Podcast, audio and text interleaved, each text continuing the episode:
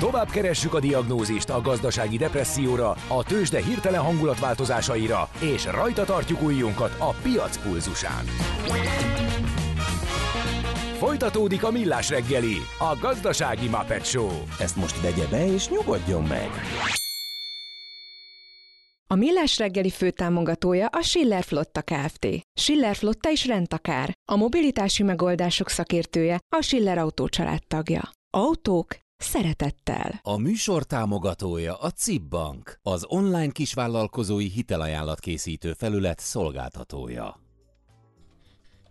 Folytatódik a Millás reggeli. Jó reggelt kívánunk! Itt vagyunk továbbra is a stúdióban Kántor Endre. És Ács Gábor. És most már a hallgatók, és el sem hiszitek, kedves hallgatók, hogy mennyire hiányoztatok, amikor nem borítottátok ránk az üzeneteitek, üzenetei tekkel, te, Jamaika a jamaikaiaké. Mert hogy nem kaptok meg, most már a technikai problémák elhárultak lehet minket Laci nem hiányzott, és üzenni, nem is értem. És, uh, Na, minek írt? Laci?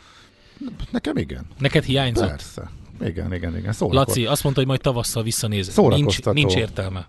Cső, csőlátás, csőlátású Laci hallgató, csőlátású szerintem Laci. szórakoztató, legalábbis eh, számomra. Minden esetre Pink Amincentről is eh, írt a kedves hallgató. Az viszont jó. Az osztrák eh, határ mellett levő, egyébként fantasztikusan szép kis falu túráztam arra nagyon régen és azt írta ő, hogy ha nem érünk el benneteket, akkor csöndben ülünk a reggeli kávénk mellett, ne tegyétek ezt velünk. Lényeg az, hogy itt vagyunk, és egy hallgató még a, a turizmusos adatos témához írta, hogy fontos adalék, és egyébként ez szerepel Madár István cikkében. Most a beszélgetésben nem kerül szóba, tehát pontosan tisztában ő is vele, a cikkében a portfólión szerepel is az, hogy a kiutazás Igen. az nagyon-nagyon, tehát a belföldi turizmusnak az idei visszaesésében ez szerepe van annak is, hogy a külföld, már mint a kiutazás a magyarok körében jóval népszerűbb lett. Tavaly még a Covid para ott volt. István a beutazásról tavasszal. beszélt, tehát a külföldi turisták beutazásáról Magyarországra, és a belföldi turisták Magyarországon történő statisztikáiról. Igen, de a magyar magyar, magyarországi nyaralások, magyarországi turisták Magyarországon elköltött pénzének visszaesésében, belföldi turizmus az ennek köszönhető, visszaesésében szerepet játszott, hogy persze. sokkal jobb arányban mentek külföldre, mint akár csak tavaly, amikor még a Covid parai valamennyire benne volt az Igen, emberekben. igen, tehát félreértés volt, nem igen. erről beszélgettünk, hanem az, hogy itthon milyen volt mm. a belföldi és a külföldi turizmus, nem a kiutazó magyar turizmus. Na nézzük akkor, hogy Katona Csaba mivel készült.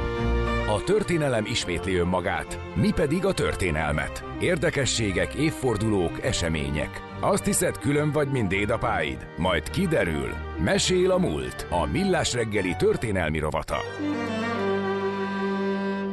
Hát volt egyszer egy olyan esemény 1923. november 8-án Münchenben, amikor jó sokáig puhította Adolf Hitler azt a triumvirátust, aki magához ragadta végül is a hatalmat Bajorországban, és megpróbálta rávenni őket, hogy engedjék már be a Nemzeti Szocialista Munkáspártot és a szélsőséges nézeteket. Ők nem teljesen akarták ezt megtenni, minden esetre mindenféle erődemonstrációra is sor került, és elég hosszú ideig tartott, mert ebbe a Bírhálléba, ami nem egy kocsma, azért tegyük hozzá, tehát ez egy igazi német ilyen sörcsarnok, ebbe azért ott ültek egy egész délutánt, egy egész estét és másnapig, amíg végül is valamiféle megállapodás született, vagy megegyezés, ami persze nem Hitlernek kedvezett, viszont ebből az egész helyzetből mégiscsak jól került ki Adolf Hitler, és ez növelte a népszerűségét. Uh-huh. De hát, hogy ezt minden sokkal jobban elmondja nekünk, itt van Katona Csaba a vonalban. Szervusz, jó reggelt! Szervusztok, jó reggelt kívánok, és hát így megemlékezve a sörpucsról, az első rögtön az jutott eszembe, hogy a történet nem ismétli önmagát, de remélem ez nem fogja ismételni önmagát se 100, se 200 évvel elteltével de igazság szerint a sörpucsról sok jót nem tudunk mondani, és megpróbáljuk eljére tenni ezt a dolgot, hogy mi is történt pontosan, mert ez egy ilyen állandósult szókapcsolatként ott van mindenki tudatában, hogy Müncheni sörpucs, de ugye a részletek azok nem feltétlenül vannak meg. Hát pedig, pedig nagyon érdekes és tanulságos, úgyhogy a száz éve történt eseményre fontos, hogy emlékezzünk, igen. De még mennyire az, ugyanis itt arról van szó, hogy az első világháború után ugye Németország tragikus helyzetbe került, ugye egy vesztes világháború, nagyon súlyos jóvátételi kötelezettségek, a Rúrvidék francia megszállása, és még hosszan sorolhatnám, tehát a Weimári köztársaságnak nevezett állam, ami ugye a császárság helyébe lépett, hát erős handicappen indult, hogy finoman fogalmazunk, és ennek voltak mindenféle társadalmi, gazdasági, nemzeti vetületei, amik mind a negatív irányba vitték el a gondolkodást, magyarán fogalmazva rohadt nehéz helyzet volt, infláció, hosszan lehetne sor, megalázottság, és így tovább. Hát nem is kicsi infláció, ugye ezt csak mi tudtuk igazából felül um, teljesíteni annak idején, mondjuk mi elég brutálisan, de annak úgy, ellenére... Hát figyelj, Magyarország is ugyanez plusz egy trianon, igen, igen. tehát hogyha úgy veszünk. Igen, és ugye ami az inflációt illeti, valóban sikerült leszorítani őket a dobogó felső fokáról, de Magyarország jobban teljesít, tehát ebből is látszik, hogy ugye, ha teljesíteni kell, teljesítünk. Na most, ami ezt a 50 helyzetet illeti Németországba, nyilvánvaló, hogy egy meglehetősen kilátástalannak tűnő, megalázott helyzetben viszonylag könnyen tud demagóg erő e, tőkét kovácsolni a saját maga számára, és hát ez itt meg is történt. Ugye ebben a nehéz helyzetben e, a radikális megoldásokra nyitottabbá válik a népesség. Ugye a radikális megoldásoknak a lényege, hogy bonyolult kérdésekre egyszerű válaszokat ad, és az egyszerű válasz elhiteti a kedves polgárral azt, hogy ez valódi megoldáshoz, holott nem. És uh, itt konkrétan, amikor megerősödnek az antiszemita indulatok, kialakul a tördötés elmélete, mi szerint elárulták Németországot, és csak is kizárólag ez veszítette el a háborút, hogy mindent jobban lehetne csinálni, hogy nem szabad engedni a nemzetközi jognak, meg ehhez hasonlóknak, hát Hitler elég eredményesen képviselte ezt a dolgot. És tegyük rögtön hozzá, hogy még az állami, meg városi tisztviselők, meg tartományi tisztviselők egy része is úgy gondolta, hogy valahogy máshogy kéne csinálni a dolgokat, mint sem a Weimári köztársaság, és itt jön szóba Gustav von Kahr Gustav von Kár, aki Bajorország miniszterelnöke a egyre feszültebbé váló helyzet, illetve az zavargások miatt, hát nem is diktátori hatalommal, de rendkívüli jogkörrel ruház föl, és van neki két társa, mindketten a Bajor nemesség képviselője, Otto von Losszó, aki katona, illetve Hans von Zeisser, aki pedig rendőr. És gyakorlatilag ők hárman meglehetősen széles felhatalmazással a kezükben, hát igyekeznek úgymond reddet teremteni. Rögtön hozzáteszem, a gondolkodásuk nem áll annyira távol a Hitlerféle radikalizmusról, de azért ők mégsem az utcai csőcselék. Tehát ez elég nagy különbség, és a Nemzeti Szocialista Német Munkáspártot, az NSDAP-t, azt ők igyekeznek is korlátozni. Viszont ez az a pont, amikor Hitler és támogatói rájönnek arra, hogy igazából itt kifogják a szelet a vitorlájukból. Bocsánat, Csaba, itt, a... itt egy nagyon rövid kitérőt tettünk, hogy Hitler, Hitler idáig Igen? honnan és hogyan érkezett el? Hát az, mint közismert, ugye a, a, ő Ausztriából származik, és első világháborúsból frontkatona volt, majd belépett a, a, egy német, egy olyan német pártban, ami akkor még nem a német nemzeti szocialista munkáspárt nevet képviselte, de nagyon hamar eljutott oda, hogy hát valamilyen radikális, nemzeti radikális módon kell orvosolni Németország problémáit, hogy aztán ezt mennyire gondolta komolyan, vagy mennyire nem, ez megint egy más kérdés. És ott volt előtte a példa Mussolini, ugye, aki meglehetős sikerrel tudott hasonló eszméket úgymond előre vetíteni, és hát eredményesre is vált vele. És Hitler, aki egy meglehetősen hatásos szónok volt, továbbá meg volt benne az a fajta megszállottság, ami számos demagóg embert jellemez, a párton belül nagyon-nagyon hamar elkezdett felemelkedni, és különösen Münchenben nagyon népszerűvé vált, pontosan annak révén, amit az előbb mondtam, hogy Bonyolult kérdése egyszerű, ám de eredményesnek tűnő választ tudott adni. Aha. És innentől kezdve ő egy politikai tényező. És politikai tényezővé teszi az NSDAP-t is, ami, ami tehát ilyen kölcsönösen úgymond egymás javát szolgálják. És innentől kezdve igazából kialakul egy olyan helyzet, hogy ez a triumvirátus, ez a három fon, tehát Gustav von Kahr, eh, Hans von Zeisser és Otto von Losszó idézőjelbe a vetétársa Hitlernek. Tehát mind a ketten radikális a triumvirátus is, meg Hitlerék is radikális megoldásokba gondolkodnak, de azért, de azért azt tegyük hozzá, hogy Gustav von Kárék messze nem azon a szinten, mint Hitlerék.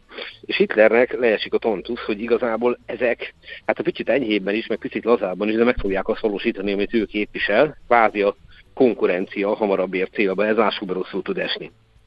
És innen jön az ötlet, és akkor innen kellett valamit csinálni. Járni. Pontosan. És innentől, ugye most már amikor, amikor egy direkt helyzetbe élesbe kell előzni, ott már csak egyetlen radikális lépéssel lehet ezt megtenni. És hát így történik, hogy a Müncheni Bürger Brau Kellerben, ami tényleg egy, úgy ahogy mondták, a sör csarnok, tehát 5-6 ezer ember elfér. Egy ilyen kocsmát képzeljünk el hanem tényleg egy közösségi teret. Ugye az angol pába publikus latin szóból származik, tehát közösségi térből. Na itt kerül sor egy tömeggyűlésre, amit Gostár von Kár tartott. Ennek, ennek Németországban van hagyománya az ilyen tömeggyűléseknek. Ezt egyébként csinálták a szélbalos pártok, és igazából mindegyik párt, tehát ezt ne a, ne a jobb oldal sajátjaként képzeljük el. A szöröző, a hatalmas nyílt csornok az mindig alkalmas arra, ugye, hogy egy ilyen eseményt elő lehessen vezetni. És hát ezt a eseményt, ezt a tömeggyűlést, ezt szúrta ki magának Hitler, illetve hívei, hogy itt lehet egy jó kis pucsot megcsinálni, olyan 5-600 fegyveressel, mert hogy ugye addigra már létezett az ESA, tehát a Sturmarteilung, meg egyáltalán az NSDAP az része volt. Az egy, egy ilyen félkatonai egy, szervezete volt ennek az egésznek, ugye? És, és igen, igen, igen, igen, volt, volt frontkatonákból toboroz, toborzódott ez a sereg. Igen, tehát a társadalom vesztesei, akik ugye végigharcolták a világháborút, utána visszatérnek a lerongyolt Németországba, és hát igazából nincs előttük perspektíva, és Hitler meg bekínálta nekik azt a látszólagos lehetőséget, hogy itt lehettek valakik. Plusz ugye ebben az időszakban a első világháborúról hozott viselkedésformák révén minden országban, vesztesbe, győztesbe a fizikai erőszak mindennapossá vált. Tehát magukkal hozták a frontról a katonák. Ugye maga a NSDAP is része volt egy Kampfbund nevű, mint a neve is elárulja Kámbun, tehát harci szövetség egy ilyen, egy ilyen félkatonai paramilitári szervezetnek, tehát nem Aha. volt nehéz innen összerántani ezt az 5-600 embert aki, aki hajlott arra, hogy ha kell, fegyverrel szerezzen érvényt az akaratának. És hát itt ilyen emberek fordulnak elő, a később történelmből később ismerté váltak, mint Alfred Rosenberg, Rudolf Hess, vagy Hermann Göring, aki ugye első világháborús egyébként egészen kiváló vadászpilóta volt. Tehát ő úgymond az ászok közé Aha. tartozott.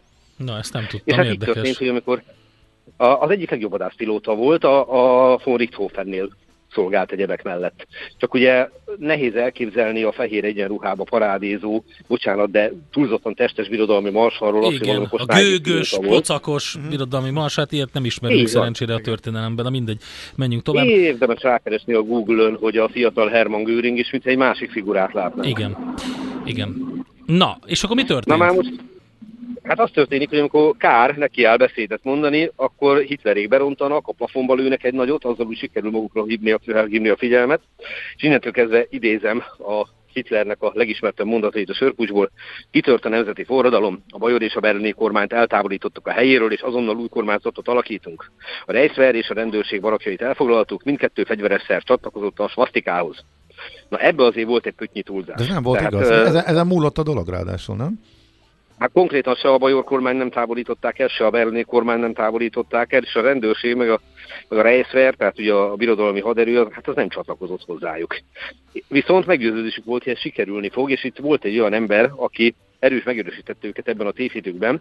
Ez volt Erich Ludendorff, ugye az első világháborús hős, aki, aki egész Németország rendkívüli módon tisztelt, és hát úgy gondolta, hogy jó ötlet csatlakozni Hitlerékhez, és meggyőződése volt, hogy az ő személyes tekintélye, a hírneve, a rangja az elég lesz ahhoz, hogy ezek a fegyveres erők minden további nélkül megtámogassák Hitleréket. Ez tévedésnek bizonyult, mint kiderült.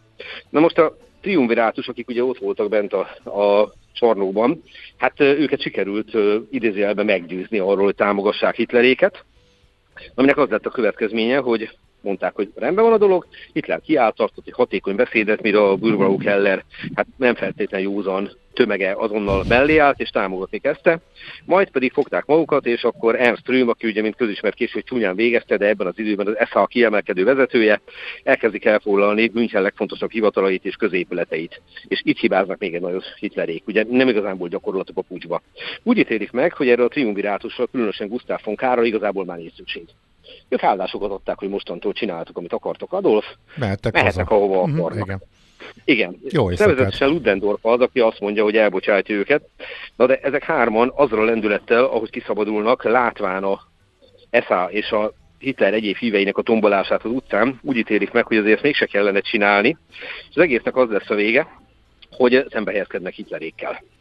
Na most Hitlerék közben túlszülejtik a Bajor kormányt, a városi tanácsot, megpróbálják a Bajor korona herceget beszervezni, hogy közvetítsen, de ez a triumvirátushez makacsnak bizonyul, és úgy ítélik meg, hogy ez így nem fog menni. Tehát valamit csinálni kell, mert mégsem lehet egy pucsot kizárólag egy sörcsarnokból levezényelni. Úgyhogy az egésznek az lesz a vége, hogy körülbelül 2000 ember, mert hogy ennyire duzza a Hitler támogatóinak a tömege, elhatározta, hogy elfoglalják a Bajor Védelmi Minisztériumot. Nagy kérdés, hogy mit vártak ettől. Tehát ugye, hogy mennyire lehet eredményes egy pucs, hogy újabb és újabb épületeket foglalunk el, de bárhogy is történt, az Odeon placon szembe találták magukat a rendfenntartó erőkkel, nevezetesen a rendőrség és a katonaság erőivel, az egésznek pedig egy lövöldözés lett a vége, ennek pedig volt 20 halálos áldozata. Négy rendőr veszítette az életét, tüntetők oldaláról, tehát Hitler hívei oldaláról pedig 16 hatam. Itt nagyon érdekes események játszódtak le. Ennek, ennek még lesz jelentőség később a történelemben, igen. Hogy ne volna. Sőt, mindjárt el is terjedt az is, hogy mind Ludendorff, mind Hitler elesett ebben a összecsapásban. Ez nem volt igaz. A Hitler mellett álló embert talált el Golyó, aki magával rántotta a későbbi fűret, tehát látták a földre esni, és innen terjedt el azt, hogy megölték. Ludendorff egyébként rá nagyon jellemző módon roppant bátran és roppant botorul cselekedett. A szörtűz ellenére nyílegyenesen menetelt a rendőrök felé, nem találták el, hogy direkte vagy nem direkt, ezt nehéz megítélni, hogy oda ment, bevonult nyílegyenes derékkal, és közölt, hogy most megadja magát. Tehát kvázi az, az igazi fakajű poroszos viselkedés az nála működött, viszont a lövöldözés azt is jelentette, hogy a pucs elbukott a pucs elbukott, és mi történt ezután? Hát ugye hát, a katonasság és a rendőrség nem állt át az ő oldalukra, ők pedig ezzel számoltak. Nem, nagyon nem. Nagyon nem. Ez egy alapvetőnek bizonyuló tévedés volt, hogy erről nem egyeztettek, és hát uh, ugye tudjuk, hogy a világtörténelem nagy tévedései azok többnyire azon az egy gondolaton alakulnak, hogy én azt hittem. Tehát sok ilyen volt már, meg sok ilyen lesz még. Na most Hitler pontosan tudta, hogy innentől kezdve ennek a dolognak vége, a párt hívei ugye megijedtek, Göring kapott egy lövést, de túlélte, még hosszan lehetne sorolni az őket ért veszteségeket, viszont a Führer hazárulás vágyából bíróság elé állították, és hát az akkori jogi szabályok értelmében akár halára is ítélhették volna. De nem ítélték halára. Ehhez mérten, és ez egy jó kérdés, hogy miért, a minimális tételt szabták ki rá, egy öt éves börtönbüntetés volt. Ebből azonban Landsbergben hát egy, egy újabb pont, hogy az egész a világtörténelem teljesen máshogy alakul, hogyha itt más döntés születik, igen. Ez abszolút így van. Mindig eszembe jut az a gyönyörű mém, amikor egy tudós kilép az időgépből, és hangosan kiabál a kollégáinak, hogy sikerült, sikerült, lelőttem Hitlert, mire a többiek ránéznek, hogy kit. igen, igen. Szóval sikerült volna visszavenni, most nem beszélgetnénk erről, de bárhogy is van, ez az ember ott a börtönben megírja a Mein Kampfot, és behelyezkedik meglehetősen sikeresen a német nép szabadságáért és sikereiért küzdő Hérosz szerepébe. Elnyomott, elnyomott, azáltal, elnyomott, igazságtalan elnyomott Hérosz, igen. Így van, Németország a németeké, ha már jamaika a jamaiak, és még hosszan sorolhatnám. Tehát lényegében véve az elbukott pucs az azt hozta magával, hogy soha nem látott hírnévre tett szert, és még jobban meg tudta lovagolni azt a fajta elégedetlenséget, ami Németország szerte kitapintható volt, és innen aztán majd eljutunk 1933-ig, amikor megszerzi a hatalmat. Viszont a Müncheni El, előtte ugye kitör a, a legdurvább gazdasági válság 29, mint tudjuk, hogy szintén a kezére Így, dolgozik. Pontosan, minden hát... a kezére játszott. Mm. Minden a kezére játszott, és ugye a másik az, hogy azok a úgymond polgáriasultabb erők, amik mellé álltak, vagy szövetkezni akartak vele, rövidebb vagy hosszabb távon látva a népszerűségét, azok nem mérték föl, hogy kivel társulnak.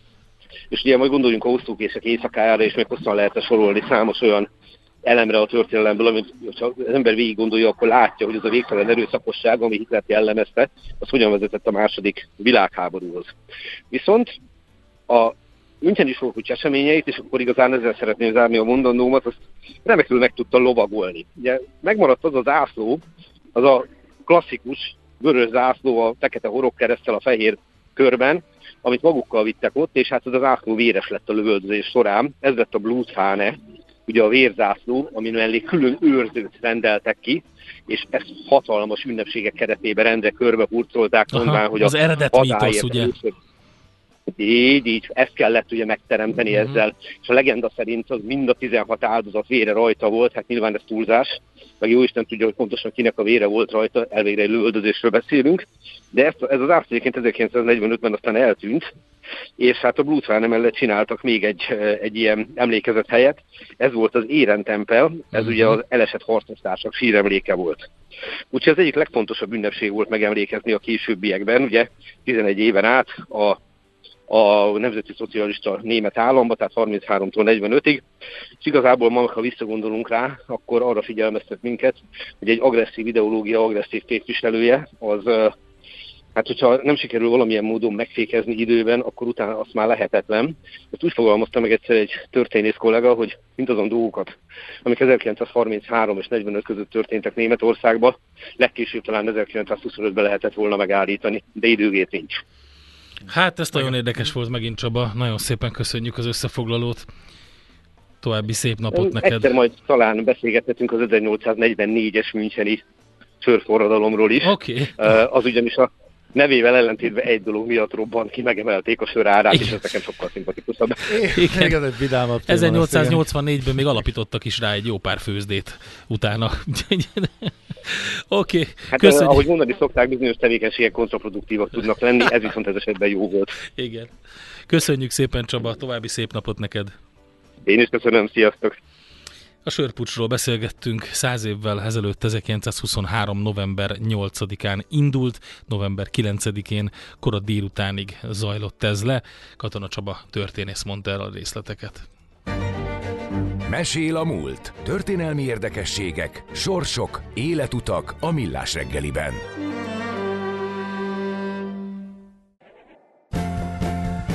Az agy sokkal hajlamosabb elsorvadni a túl kevés használattól, mint elkopni a túl soktól. Millás reggeli. Tőzsdei és pénzügyi hírek első kézből a Rádiókafén, az Equilor befektetési ZRT-től. Equilor, 1990 óta a befektetések szakértője. Deák Dávid üzletkötő a vonalban. Szervusz, jó reggelt! Sziasztok, jó reggelt, üdvözlöm a hallgatókat! Na, hogy alakult a Budapesti értéktős, de eddigi napja? Eddigi napja egy pici lecsorgással indul 0,1%-ban a Bux Index 57.344 ponton áll, 400 milliót közelítő nem túl magas forgalommal, ami viszont érdekes, és nagyon-nagyon régóta nem láttunk ilyet, hogy a Magyar Telekomban mm-hmm. van a legnagyobb forgalom. Még mindig volt egy céláremelés, nagyon... és akkor annak köszönhetően Bizony. még pörög a papír? Pörög a papír, emelkedés van, gyakorlatilag a legnagyobb pluszmutató blue chipünk 5 forintos pluszban, ez majdnem 1 százalék 610 forinton, és hát ami ennél inkább izgalmasabb, hogy 150 millió a forgalom a 375 millióból. Ez a, bocsánat, ez a, a legforgalmasabb papír. Ez a legújabb húzatjú a Telekomban, ez kizárólag a brutális céláremelés következménye, vagy jöttek más jó hírek is, vagy hogy mi robbantottak ki a korábbi napokban, azért ez a brutális, szorult. Uh-huh. Ez a brutális céláremelés Aha. volt, amit láttunk, és hát egy picit érdekes is, hogy ezt ennyire jól fogadta a piac, mert gyakorlatilag a, a, egyetlen egy cég van, akinek az elemzése ennyire magasra mutat, a többi átlag az ilyen 700 forint körüli célárakat hoztak ki, ez a 900-as egy kicsit meg tudta tolni a, jó hangulatát a papírnak, de hát a forgalom megérkezett benne, ami azért tényleg nagyon-nagyon rég volt ilyen, hogy így reggel 9.42-kor 150 millió forintnyi Magyar Telekom cseréljen gazdát, ez szuper jó hír, nagyon örülünk neki, reméljük, hogy így is marad. A többi blue egy kis unalom látható most ebbe a pillanatban, se nagy mozgás, se nagy forgalom nincs, OTP Bank 13.770 forinton áll, ez 0,2%-os plusznak felel meg, a MOL részvénye 4 forintos mínuszban 2910 forinton áll, fél százalékot esik a Richter is 8760 forint, és így a második vonalban, ami nagyobb mozgás, az Opus részvénye is 1 százalék fölötti mínuszban 380 forintig csorgott vissza, úgyhogy most egy kis korrekciót látunk a budapesti értéktősdén. Oké, okay, rendben, forint? Forintba egyébként kitart a jó hangulat, 1 euróért jelen pillanatban 379,30 for, for, fillért, 1 dollárért pedig 354 forint 40 fillért kell fizetni most a bankközi devizapiacon. Jó hírek jöttek a forinttal kapcsolatban, úgy látszik, hogy a befektetők nagyon-nagyon várják az EU-s pénzekkel való híreket. Úgy látszik, hogy talán most egy picit jobban el is hitték, hogy ebből most már lehet legalább részsiker, és ez nagyon jó kihat egyébként a pénzpiaci folyamatainkra is. Az képest, hogy hónapok óta semmi változás nincsen, tudjuk, hogy egy részének a feltételeit nagy részt teljesítette Magyarország, az képest a piac is érdekes, hogy elkezdi jobban elhinni. Ipari adat számíthatott, hogy végre jött egy vártnál kedvezőbb, még ha nem is olyan nagy jelentőségű makroadat ma reggel az ipari termelésről? Én azt gondolom, hogy nem. Én azt gondolom, hogy nem, mert egyébként az egész régióban hasonló mozgást látunk. Egyébként a forint az elmúlt hónap hónapokban az ilyen jellegű adatokra teljesen immunis volt. Uh-huh. Az infláción kívül na, meg a maximum még a munkanélküliség volt, ami uh, érdekes lehetett. Uh, lehet, hogy valamennyi minimális hatása volt, de ezek trend, ha meghatározó adatok nem szoktak lenni. Az lehet, hogy tol még egy picit az amúgy is jó forint hangulaton Aha. ez a vártnál kevésbé gyenge adat. Uh-huh. Igen, mondjuk így. Oké. Okay. okay, köszönjük, köszönjük szépen. szépen. További jó munkát, jó kereskedést. Szépen, hello. Deák Dávid üzletkötővel beszélgettünk a budapesti értéktősdéről és a forintról. Tőzsdei és pénzügyi híreket hallottatok a Rádiókafén az Equilor befektetési ZRT-től. Equilor, 1990 óta a befektetések szakértője. Ha a bankszámlád mellett a lelked és szürke állományod is építeni szeretnéd. Kultmogul, a millás reggeli műfajokon és zsánereken átívelő kulturális hozamgeneráló rovata következik. Nagyon érdekes filmről fogunk beszélgetni, és egy kicsit történelemórát folytatunk, hogyha már elkezdtük a száz évvel ezelőtti sörpuccsal. Akkor itt Libertate 89 nagyszeben forradalom testközelből. Ez a ugye magyar koprodukcióban készült uh, film nyitja meg ma este 19 órakor a 17. román filmhetet. A, ugye a romániai kommunista rezsimet megdöntő forradalom eseményeit dolgozza fel, és az NFI támogatásával készült a többszörösen díjnyertes film hát akciófilmekbe illő fordulatokkal teli, de emellett hiteles korrajz, amelyben erdélyi magyar színészek is láthatók. A producer Berger József van itt velünk a vonalban. Jó reggelt! Jó reggelt kívánom, üdvözlöm és üdvözlöm a hallgatókat is. Nagyon izgalmas az egész, pont múlt héten, vagy egy két hete beszélgettem román gazdasági szakemberekkel, és felelevenítettük, hogy ők ebből az egészből mit láttak, mikor kaphattak információt, ahhoz képest pedig mi mit Magyarországon, mit láttunk a híradásokból, nemzetközi híradásokból, és hogy végigkövettük az egészet nyomon. Szóval beszéljünk egy picit, hogy jött az ötlet, hogy ezt a filmet meg kell csinálni? Hát igazából most a, azt hiszem, hogy a rendezőt kell, hogy idézem, illetve elsősorban Oana Giorgio a producert, mert hogy az Oánához fűződik ennek a filmnek az elindítása. Ő találkozott valójában nagyszebeni események történetével, és, és, és hát felkérte azután Tudor giorgio rendezőnek, ez nagyon érdekes, mert Tudor, ő kolozsvári származású, tehát igazából egyikük sem nagyszebeni, de ő Kolozsváron élte át az eseményeket, és a nagyszeben az, azt hiszem, hogy azért, azért kiemelt, mert valójában ez egy elég kibeszéletlen része a romániai forradalomnak, nem mint hogyha az egész nagyon ki lenne beszélve, és ezt most inkább idézem a román alkotókat, ez nem az én saját véleményem, de nagyon sokat tanultam a, az eddigi fesztivál a, beszélgetésekből, a, a közönség találkozókból, és valójában onnan jött, hogy ők úgy érezték, hogy erre lenne igény. Tehát lenne igény arra, hogyha ha nem is úgy bemutatni, hogy most kvázi döntéseket hozni, vagy, vagy elmondani pontosan, hogy miről mi a vélemény, de legalább,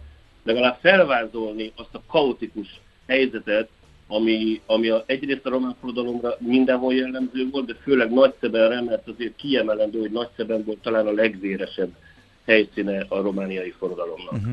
Nagyon érdekes, hogy eh, a készítők a rendőrfőnököt állították a középpontba, ő a filmnek a főszereplőjére.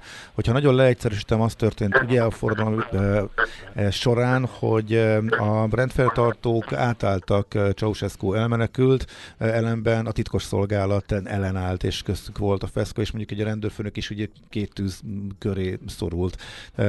Tök érdekes, hogy ő lett a középponton, nem pedig valamelyik forradalmár.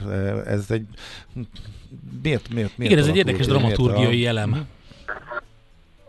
Hát igazából azt hiszem, hogy ez a forgatókönyvi fejlesztés során alakult így ki.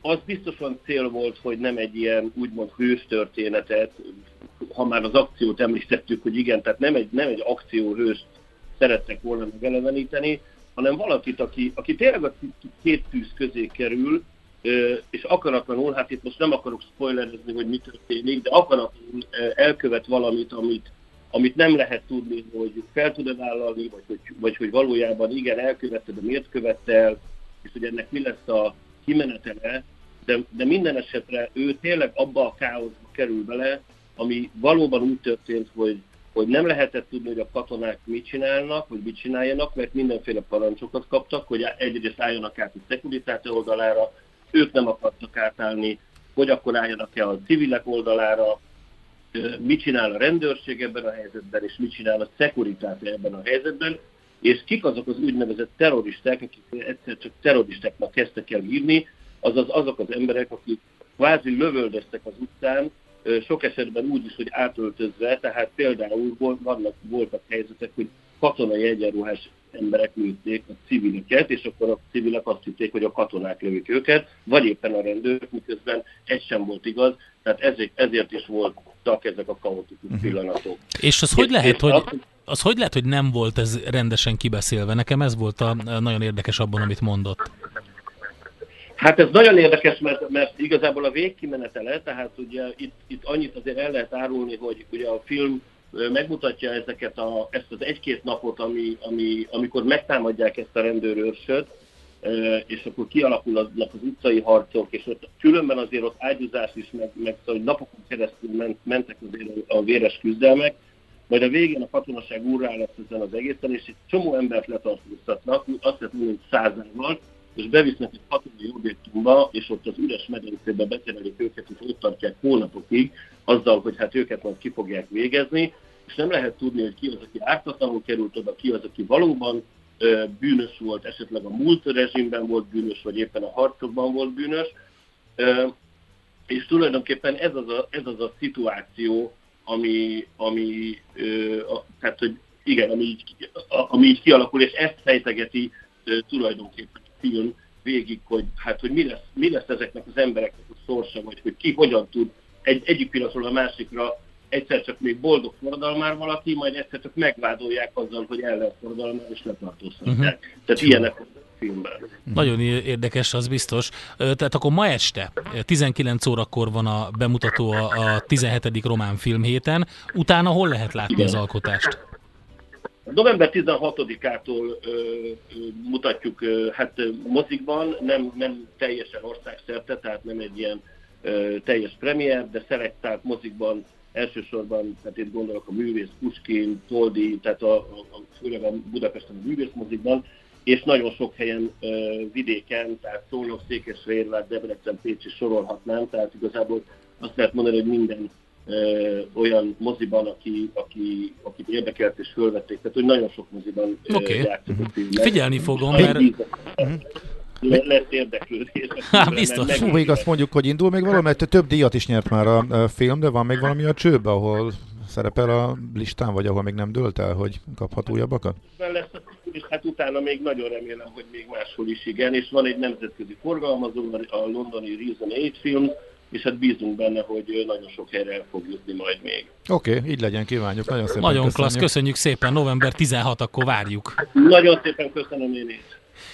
Berger József producerrel beszéltünk a Libertate 89 Nagyszeben című filmről, aminek ma este lesz a díszbemutatója a 17. román filmhéten, utána november 16-tól országszerte elérhető a mozikban itthon.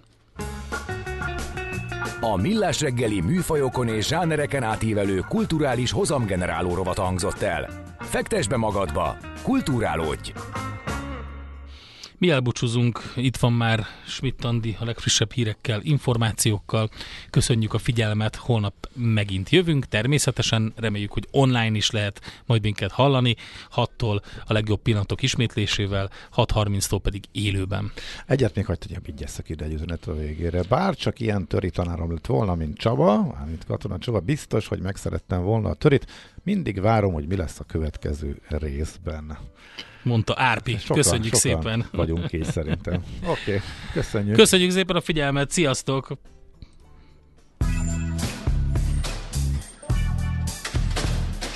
Már a véget ért ugyan a műszak, az ügyelet azonban mindig tart. A sürgősségi és félig zárt osztályon holnap reggel újra megtöltjük a kávésbögréket, és felvesszük a piaci stetoszkópot. Addig is keressetek minket közösségi rendelőnkben a Facebookon, a mai adás podcastjét pedig a rádiókafé 98hu és millásreggeli.hu oldalakon, a Spotify-on és a Google Podcast-en. Millás reggeli. A Rádiókafé gazdasági Muppet show Két dologban bízhatsz. Az egyik mi vagyunk. A Millás reggeli főtámogatója a Schiller Flotta Kft. Schiller Flotta is rendtakár. A mobilitási megoldások szakértője a Schiller Autó tagja. Autók szeretettel. A műsor támogatója a CIP Bank, az online kisvállalkozói hitelajánlatkészítő felület szolgáltatója.